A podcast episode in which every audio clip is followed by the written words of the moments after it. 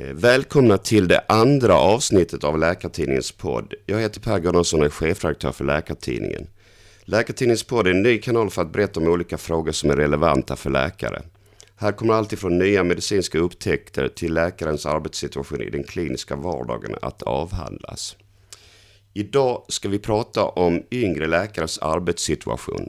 SYLF, Sveriges yngre läkares förening, presenterade i måndags här i Almedalsveckan, där vi nu sitter och spelar in den här podden, en rapport eh, som innehåller eh, berättelser och fakta kan man säga som visar på att det är ganska tuff värld att leva i som, AT, eller som yngre läkare idag. Vill du, eh, Madeleine Liljegren, som är en av våra två gäster idag, börja med att säga någonting om den rapporten? Ja, eh, det vi såg i den här rapporten som eh, företaget VSP har gjort åt oss, eh, att nästan var tredje ung läkare uppger att han eller hon kommer lämna yrket inom fem år. 30 procent sa att det var ganska eller mycket troligt och det tycker vi förstås är förskräckligt och väldigt oroväckande, inte minst för patienterna och den framtida kompetensförsörjningen i vården. Mm. Tack för det. Vi ska också säga att du är då eh, ordförande i SYLF och du är också ST-läkare i psykiatri. Och vi har också med oss här idag Tora Borén. Du är andre vice ordförande i SYLF och ST-läkare i akutsjukvård. Ni är bägge välkomna till denna podd. Tack. Eh, Tora, har du några spontana kommentarer förutom det Madeleine sa när det gäller rapporten? Eh, nej, många av de här läkarna som har svarat på rapporten är ju då inte AT-läkare, utan läkare som väntar på AT. Och den som väntar på en AT, den väntar alldeles för länge. Och det har vi i SYLF eh, tyvärr vetat under många år, att så är det. Eh, och väntetiderna fortsätter att öka och de ökar inte bara i storstadsregionerna utan nu ser vi att väntetiden är hög över hela landet och det är oroväckande. Mm. Ska ni kort bara säga, vad är huvudförklaringen till att vi har de här väntetiderna till AT? Det är regionernas ansvar att tillhandahålla AT-platser. Det är de skyldiga att göra enligt lag och det ansvaret tar inte de idag. Det finns heller inte någon nationell samordning av antalet AT-tjänster så regionerna hänvisar ofta till andra regioner och så säger de att vi tar vårt ansvar, vi gör vad vi kan. Det är de andra som ska bli bättre och den bilden köper inte vi Sylf. Mm, mm. Eh, man kan ju också säga att eh, ur regeringsperspektiv så har man ju länge sagt att det finns en läkarbrist i Sverige och då eh, har de gjort förvisso det som de har kunnat, men på ett sånt sätt som vi i Sylf kanske inte tycker har varit helt riktigt, att man har utökat platserna på läkarutbildningen bara, men man har inte sett till att antalet AT-platser har ökat i samma utsträckning. Så antalet platser på läkarutbildningen har ökat, men antalet AT-platser har inte ökat på samma sätt och då blir det ju en differens där som blir problematisk. Mm, mm. Jag tänker, vad konkret bör då ske för att få fram fler AT-platser? Mm. Jag, tror, jag tror inte vi behöver fler platser på läkarutbildningen. Jag tror snarare kanske att de eh, platserna behöver bli något färre. Man ska också komma ihåg att läkarstudenter eh, och AT-läkare, de är ju på samma arena ute på klinikerna. Så det är lätt för sjukhusen att säga att vi kan inte ha fler AT-läkare för vi har så många läkarstudenter här. De måste också få se på operationer, de måste också få vara på akuten och ta patienter och eh, lära sig. Eh, och då tycker vi i SYLF att det är viktigare att det finns ett visst antal utbildningsplatser, men att eh, det finns plats för AT-läkarna eh, att utbilda sig eh, på sjukhusen och på vårdcentralerna. Så att, eh, jag tror kanske lite färre utbildningsplatser och betydligt fler AT-platser än vad det finns idag. Mm, det skulle alltså vara lösningen? Ja. Och tror ni att det kommer att ske? Ja, det måste vi tro på eh, faktiskt. Annars vore det väldigt eh, tråkigt att, eh, att jobba med de här frågorna och försöka bilda opinion kring det. Det måste ske. Det är liksom en nationell angelägenhet. Det här är inte bara för läkarna, utan för patienterna främst. Mm. Samtidigt har vi en situation där det kommer en ny läkarutbildning och vi får då också BT, bastjänstgöring istället för AT. Försvårar det ert arbete för fler AT-platser att den här förändringen ändå ligger och är på väg? Eh, vi vill inte säga kanske att den försvårar, men det blir en utmaning i vårt arbete förstås. För vi måste ju jobba för att antalet AT-platser fortfarande, att det finns AT-platser kvar. För det kommer ju finnas eh, en bulk, om jag får uttrycka mig så, med läkare som inte, ja, som fick sin läkarexamen men inte läkarlegitimation efter att de ut, eh, utbildade sig färdigt. Och då måste de ju få göra sin AT. Så att vi måste ju verkligen bevaka att AT inte fasas ut för snabbt, utan att AT finns kvar för de som eh, behöver göra det för att få sin legitimation. Mm. Jag tänker den här rapporten då som heter I väntan på AT och som sagt presenterades i måndag så sägs att nästan var tredje yngre läkare uppger att det är ganska eller mycket troligt att det inom fem år kommer att lämna hälso och sjukvården för att arbeta i en annan sektor. Det känns ju som en ganska nedslående uppgift. Absolut, och eh, vi i Sylf har ju haft det här på känn. Vi har ju tät kontakt med medlemmar dagligen och får rapporter från runt om i landet, men inte minst vår egen kliniska vardag. Vi jobbar också kliniskt, vi som sitter i styrelsen, och, och känner igen den här bilden. Men det är första gången som vi faktiskt får siffror på det. Och eh, det är förstås jätteviktigt då för att visa på eh, de här konsekvenserna som det blir av att det är brist på AT-platser. Mm. Det sägs också i rapporten, det är dock bara ett fåtal som uppger att väntetid för AT är det direkta skälet till att man överväger att lämna. Det som väger tyngst är arbetsmiljön, den höga arbetsbelastningen, det stora ansvaret i kombination med små möjligheter att påverka arbetstider och arbetssituation. Det framkommer också ett utbrett missnöje med lönenivåer och löneutveckling. Den här ganska dystra bilden, är det något som har funnits länge? Eh, för yngre läkare eller något som har förvärrats under senare år? Eh, min upplevelse, det är såklart det är svårt eh, för mig att svara på som är ST-läkare själv. Jag var inte verksam i vården för 20 år sedan, så att jag kan inte svara på hur det, hur det var då. Men jag tycker ändå de åren som jag har varit verksam så har det här missnöjet ökat. Och vi ser ju inte minst som Läkartidningen rapporterat om tidigare, en ökad eh, sjukskrivningsfrekvens bland läkare, inte minst bland unga kvinnliga läkare. Och det ska man komma ihåg att de här så kallade vikarierande underläkarna före AT, de har till skillnad från AT-läkare och ST-läkare inte rätt till handledning eller till ut, utbildning. Så vi tror ju att det är mycket av det som, som påverkar de här svaren i enkäten, att man vikarierar som underläkare utan stöd. Eh, och det är förstås då eh, väldigt problematiskt. Mm. Tora, vad säger du om detta? Eh, jag håller med i det som Madeleine ehm, säger. Ehm, jag tänker, och det är mycket det här med att kunna påverka sin arbetsmiljö. Nu var du inne på att det, att det inte spelar så stor roll, eller att det inte i första hand är det, men det här med att vänta på en AT-tjänst är ju såklart någonting som får många att tappa eh, Eh, tron på att de någonsin kommer bli legitimerade. De vill inte jobba som vikarierande underläkare eh, så lång tid som de faktiskt gör. Eh, så där, det är ju också en, en, stor anledning tror jag till att folk funderar på om det verkligen var värt. De har lagt ner fem och ett halvt års studier, heltidsstudier, och sen så mm, sitter man fast på en avdelning. Vissa utav våra kollegor jobbar ju faktiskt inte ens eh, med eh, hur ska jag uttrycka mig, läkaruppgifter, utan man anställs eh, på mm, så kallade sjuksköterskelösa avdelningar, eh, där man ägnar sig åt arbetsuppgifter som man faktiskt kanske inte riktigt berörde under sin utbildning, som att dela läkemedel och ägna sig åt omvårdnad, så som man lär sig då förstås på sjuksköterskeutbildningen. Mm. Intrycket jag får då det är ju att det här livet som vikarierande eh, Eh, läkare i den eh, situationen där man väntar på att det kan vara eh, ganska kämpigt. Är det en korrekt tolkning? Ja, det tror jag är definitivt en korrekt tolkning. Jag skulle också vilja sticka in att det som jag tror många av våra medlemmar känner en stor frustration över är att man säger i samhället att det finns en läkarbrist.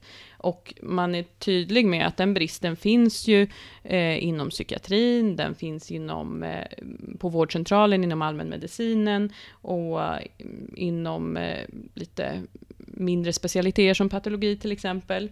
Eh, men om man då tar ett vikariat där i tron på att om jag visar framfötterna här och visar att jag vill jobba på den här vårdcentralen, då får jag väl min AT och så kan jag gå tillbaka och jobba här sen och bli specialist inom allmänmedicin. Så fungerar det inte riktigt idag, utan man visar sig värdig genom att vara på en akutmottagning. Att det är det som arbetsgivaren ofta värdesätter när man söker sin AT. Och där behöver vi nog också se eh, en attitydförändring från arbetsgivaren för att de ska visa vägen med vilka, ja, att vikariat även inom allmänmedicin och psykiatrin måste löna sig. Mm. Och helst inte då ska finnas förstås, för att Nej. man ska få gå på sin AT direkt. Hur kan de här vikariaten se ut tidsmässigt? Kan det vara att man behöver ha flera korta följande på varandra också, på olika arbetsplatser kanske? Eller? Som Tora nämner så är det ju vissa specialiteter som värderas högst eh, när man söker AT. Det är känt eh, över hela landet. Och eh, då har vi ju medlemmar som är engagerade, som Tora säger, som vi jobbar med allmänmedicin och psykiatri, men som inser då att om jag fortsätter vikariera inom den här specialiteten så kommer jag inte få AT och därför byter man. Man söker sig till, till sjukhusspecialiteter framför allt och inte minst då akutsjukvård för att då visa att man är så kallad värdig, vilket är ett fruktansvärt begrepp, men vi hörde det här tidigare på ett seminarium som vi hade ehm, för att få sin AT då. Mm. Så på det viset försvinner en del kanske ofrivilligt från allmänmedicinen också? Jo, det är ju en risk. Mm, mm. Eh, jag tänker om vi går över lite till er själva. Ska ni berätta lite hur ni har det i era, var ni jobbar någonstans och hur ni har det på era arbetsplatser där ni är idag? Jag ska bara kommentera också det, den mm. frågan du nämnde tidigare om, om hur länge man vikarierar så. Alltså nu ser vi då att många vikarierar längre än vad en AT-tjänst i sig själv är. Och det är förskräckligt. Men jag själv, jag vikarierade i två års tid eh, innan jag fick min AT. Då ska jag för sig också nämna att jag ett, ett, av, ett halvår av de här två åren så jobbade jag med min forskning. Men mm. två år fick jag vänta. Och nu jobbar jag mm. som ST-läkare i psykiatri. Mm. Och Tora? Eh, jag vikarierade faktiskt inte speciellt länge innan jag fick min AT. Och det är jag såklart väldigt glad för. Jag studerade i Örebro eh, och sen gjorde jag min allmäntjänstgöring i Karlskoga. Eh, på Karlskoga lasarett. och då tog jag ju examen i juni och sen blev det ju en väntetid över sommaren för AT började i september. men nej, jag hade bra på det viset. Nu är jag ST-läkare i akutsjukvård på Södersjukhuset i Stockholm. Mm. Och det ska vi kanske nämna också att eh, förut har det hetat att eh, vi läkare får vara beredda att flytta på oss till mindre orter för att där finns det AT som man kan få direkt. Men det stämmer inte. Våra undersökningar visar att det är väntetider över hela landet, även på de små orterna. Och de här väntetiderna ökar även där. Mm. Det känns lite svårt att begripa det att det ska vara så precis överallt. Eh, även här kan jag undra, har det varit så under en längre tid? Ja, det har det varit.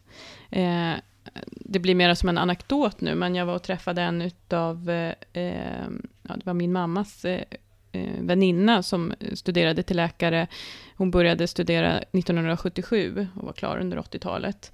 Och då för att få sin AT i Stockholm, där hon ville ha den, då var det mera så att då skulle man ha ett vikariat i två års tid för att mm. få den. Mm. Den AT-tjänstgöringen. Vad jag förstod det på henne så var det inte så över hela landet då, men det har ju förekommit att, det finns, att man ska vikariera innan AT under en längre tid. Så det är ju en fråga som tyvärr inte är ny, men som för den sakens skull inte är jätteviktig att arbeta och arbeta bort. Mm.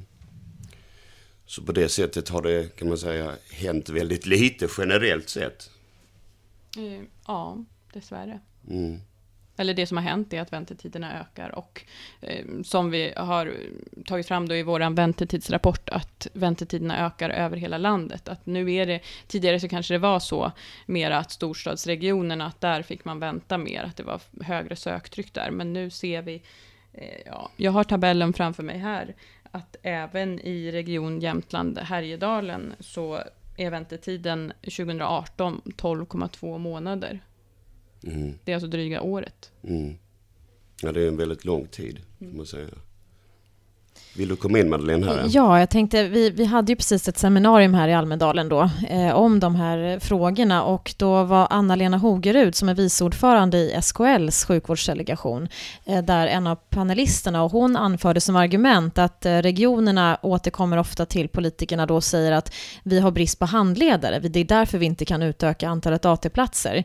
Eh, men eh, samtidigt så ser vi också att läkare, inte minst unga läkare men även specialister, jobbar inte alltid på toppen av sin kompetens. Man sitter med intyg som ska fyllas i som någon annan skulle kunna göra. Det ser vi också i fritextsvaren i den här undersökningen som VSP har framställt åt oss.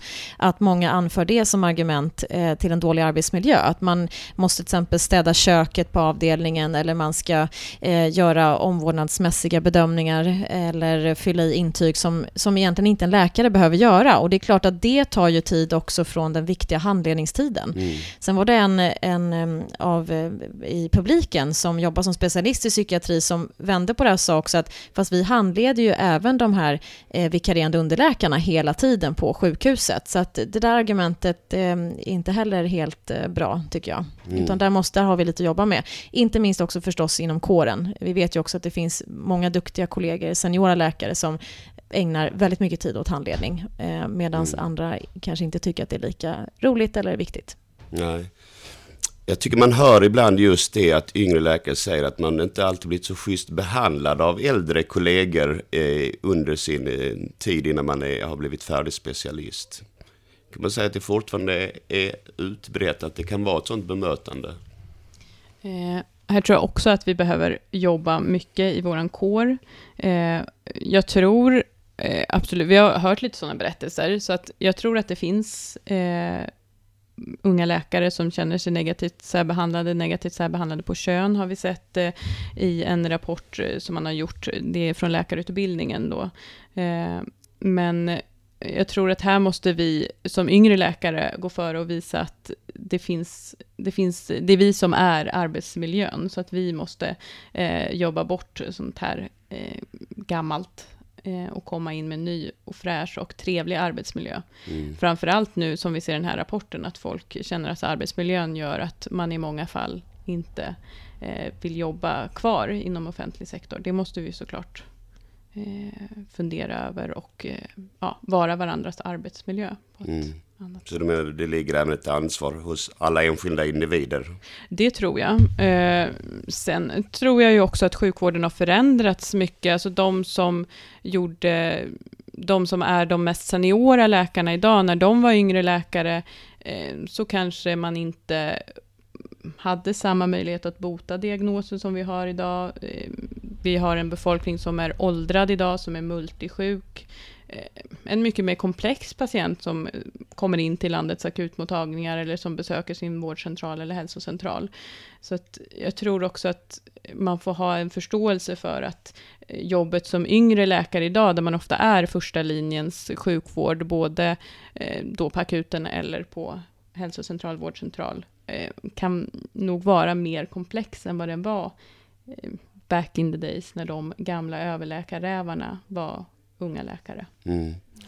Det, det, som blir en, en slags eh, märklig eh, iakttagelse i det här är ju, eh, tycker jag, att vi lever ändå i ett välutvecklat, välfungerande land. Det satsas mycket pengar på utbildning i Sverige. Som läkare går man en väldigt lång utbildning. Och då skulle man kunna tänka sig att det sedan leder vidare till att man fick ett väldigt bra omhändertagande på sin väg genom vården mot eh, att bli specialist. Istället har vi sådana här, vad kan man säga, larmrapporter återkommande. Det är lite svårt att förstå hur det kan vara så faktiskt. Har ni några tankar kring detta? Ehm, jag tror som sagt, vi gör mycket som läkare inte borde göra egentligen och det tar tid från handledning och undervisning. Mm. Sen så finns det ju många goda exempel ute i landet på personer som ägnar mycket av sin arbetstid åt att just undervisa eller handleda yngre kollegor. Och vi från SYLFs sida vill ju gärna se att de premieras också i, vid nyanställningar eller vid löneförhandling. Ofta så arbetsgivaren ser ju gärna att man är en duktig kliniker, att man har forskning, men även pedagogiska meriter tycker vi ska uppvärderas. Mm. Det kan man, ju, man kan ju se det i sitt anställningskontrakt, så står det ju det att, att handleda kollegor, det förväntas ingå i din tjänst, så att det blir liksom inget utöver. Eh, så absolut så borde handledning och att ge instruktion till yngre kollegor premieras mycket mer än vad det gör idag. Mm. Om man ställer sig lite vid sidan så finns det ju en annan problematik i sjukvården idag. Det är att läkare överlag som kollektiv kan uttrycka en frustration över att man inte tycker att det fungerar så bra på sina arbetsplatser. Eh, vad tänker ni kring detta och kan ni säga lite grann hur, hur ni upplever det på era egna arbetsplatser? Jag tror också att det här hänger ihop med att läkare har eh, under lång tid tillbaka så ser vi ett minskat antal chefer i vården som har läkarbakgrund. Läkarförbundet beställde en rapport av Karolinska institutet för något år sedan där man gjorde en sammanställning av forskningen som finns där man tittade på just eh, vårdutfall och lite andra parametrar när det gäller läkare i ledningen för vård och där kom det fram tydligt att med läkare som chefer så får vi bättre vårdutfall för patienterna men vi får också en bättre arbetsmiljö för personalen och lägre personalomsättning. Och jag tror också att där är någonting vi måste jobba med i ett liksom större perspektiv, att få fler, inte minst unga läkare, att ta sig an chefspositioner, vilket vi i SYLF ser idag är ganska svårt. Ehm, andra personalkategorier i vården har ofta traineeprogram där man fångas upp tidigt och eh, får utbildning som krävs förstås för att bli chef. Men för unga läkare så förväntas man först vara specialistläkare och kanske helst professor innan man får en chefstjänst. Ehm, vi ser också i undersökningar från, eh, från från Läkarförbundet och våra olika delföreningar att intresset för att verka som chef i vården är som högst under studietiden och sen avtar det successivt under karriären. Och det är ju jättetråkigt förstås. Mm, Tora, vad säger du? Eh, nej, jag håller med i det som Madeleine säger och jag tror också att vi redan under utbildningen eh, måste få mer Ehm, utbildning i hur vården är uppbyggd, hur den styrs ersättningssystem, styrmodeller för vården så att man kan förstå lite mer i vilken kontext man verkar i och hur man kan påverka. För det upplever jag i alla fall att jag inte riktigt fick under min utbildning utan det har man fått ta till sig eh, på annat vis. Eh, så det hoppas vi och det är en av våra eh, saker vi har tryckt på inför den här införandet av den nya läkarutbildningen, att man ska få mer utbildning i det. För jag tror att med mer kunskap om hur man påverkar så kommer man också påverka mer. Mm. Om vi försöker se några positiva tecken då i den här lite kärva situationen, vad, vad kan ni framhålla som ni tycker ändå visar att saker och ting kan röra sig i rätt riktning? Eh, en annan av paneldeltagarna här i vårt seminarium var ju Acko Ankarberg, och, eh, som är ordförande i socialutskottet. Och hon sa det att eh, hon håller med oss i stor del att det måste till en mer nationell samordning av det här med AT-tjänster och att framförallt att staten måste ha koll på hur många läkare vi har, vilket de faktiskt inte har idag. Så det tyckte jag kändes väldigt positivt, att hon ändå höll med om det. Att det här måste vi göra någonting åt. Mm. Eh Ja, och att det blir en fråga som berör eh, samhället i stort. Att det inte bara är vi läkare som det är synd om, utan det drabbar ju också patienten. Att vi vill bli specialistläkare och kunna verka i vården eh, som specialistläkare och inte som vikarierande underläkare för AT. Eh, så att, eh, och det tror och hoppas jag att vi i SYLF eh, ändå få fram mer och mer, att det här berör dig som patient och dig som eh, eh medborgare, inte bara oss som yngre läkare. Mm. Men det är väl nu när vi börjar få, eh, dags att eh, avrunda här så är det väl bra att vi, det går att framhålla några positiva saker också. Eh, jag tänkte bara eh, fråga er, vad har ni gjort när ni nu har varit på plats här under Almedalsveckan? Eh, jag kan börja varit på eh, många spännande seminarium. Jag höll själv ett seminarium förra året på Almedalen eh, kring våra journalsystem. Så jag har mest gått runt bland digitaliseringsseminarierna, om man får uttrycka sig så. Mm. Och förundras över att det här är en fråga som ja, kanske inte... Det är, det är många som pratar om digitaliseringen och man försöker komma åt den på många olika sätt, men vi har en del kvar att jobba på där. Eh, och sen hade vi vårt seminarium idag då förstås. Eh, mm, om kanske ska säga vad det handlade om, ja. Mm, det handlade om just det här med väntetider till AT. och just att vi vill se en mera att det kanske inte räcker med att det är regionerna som har det ansvaret, utan man kanske får se på det mera uppifrån. Eh, och därav att SKL var med till exempel.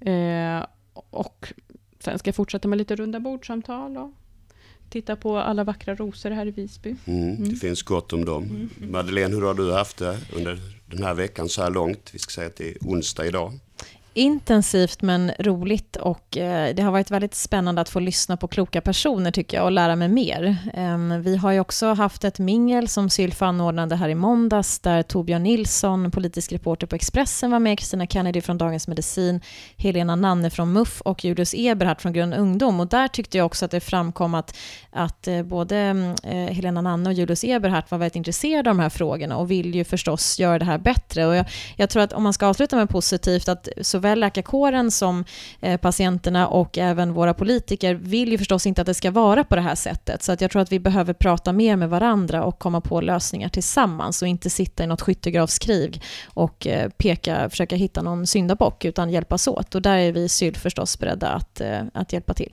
Mm. Så man kan säga att för er eh, dels så fyller Almedalsveckan en viktig funktion att vara på plats på. Eh, verkligen. Och eh, vi har ju en delegation då, dels eh, några av oss i styrelsen som är här, sen har vi också representanter från Sylf Malmö, Sylf Göteborg och Sylf Stockholm. Så det är väldigt roligt tycker vi att se att, att hela Sylf är engagerade i det här och är med och representerar och eh, minglar och lär sig mer. Mm. Där vill jag då tacka Madeleine Liljegren och Tora Brén så mycket för detta samtal kring viktiga, väldigt viktiga frågor kan man säga för yngre läkare. Eh, jag vill också tacka alla som har lyssnat. Tack ska ni ha.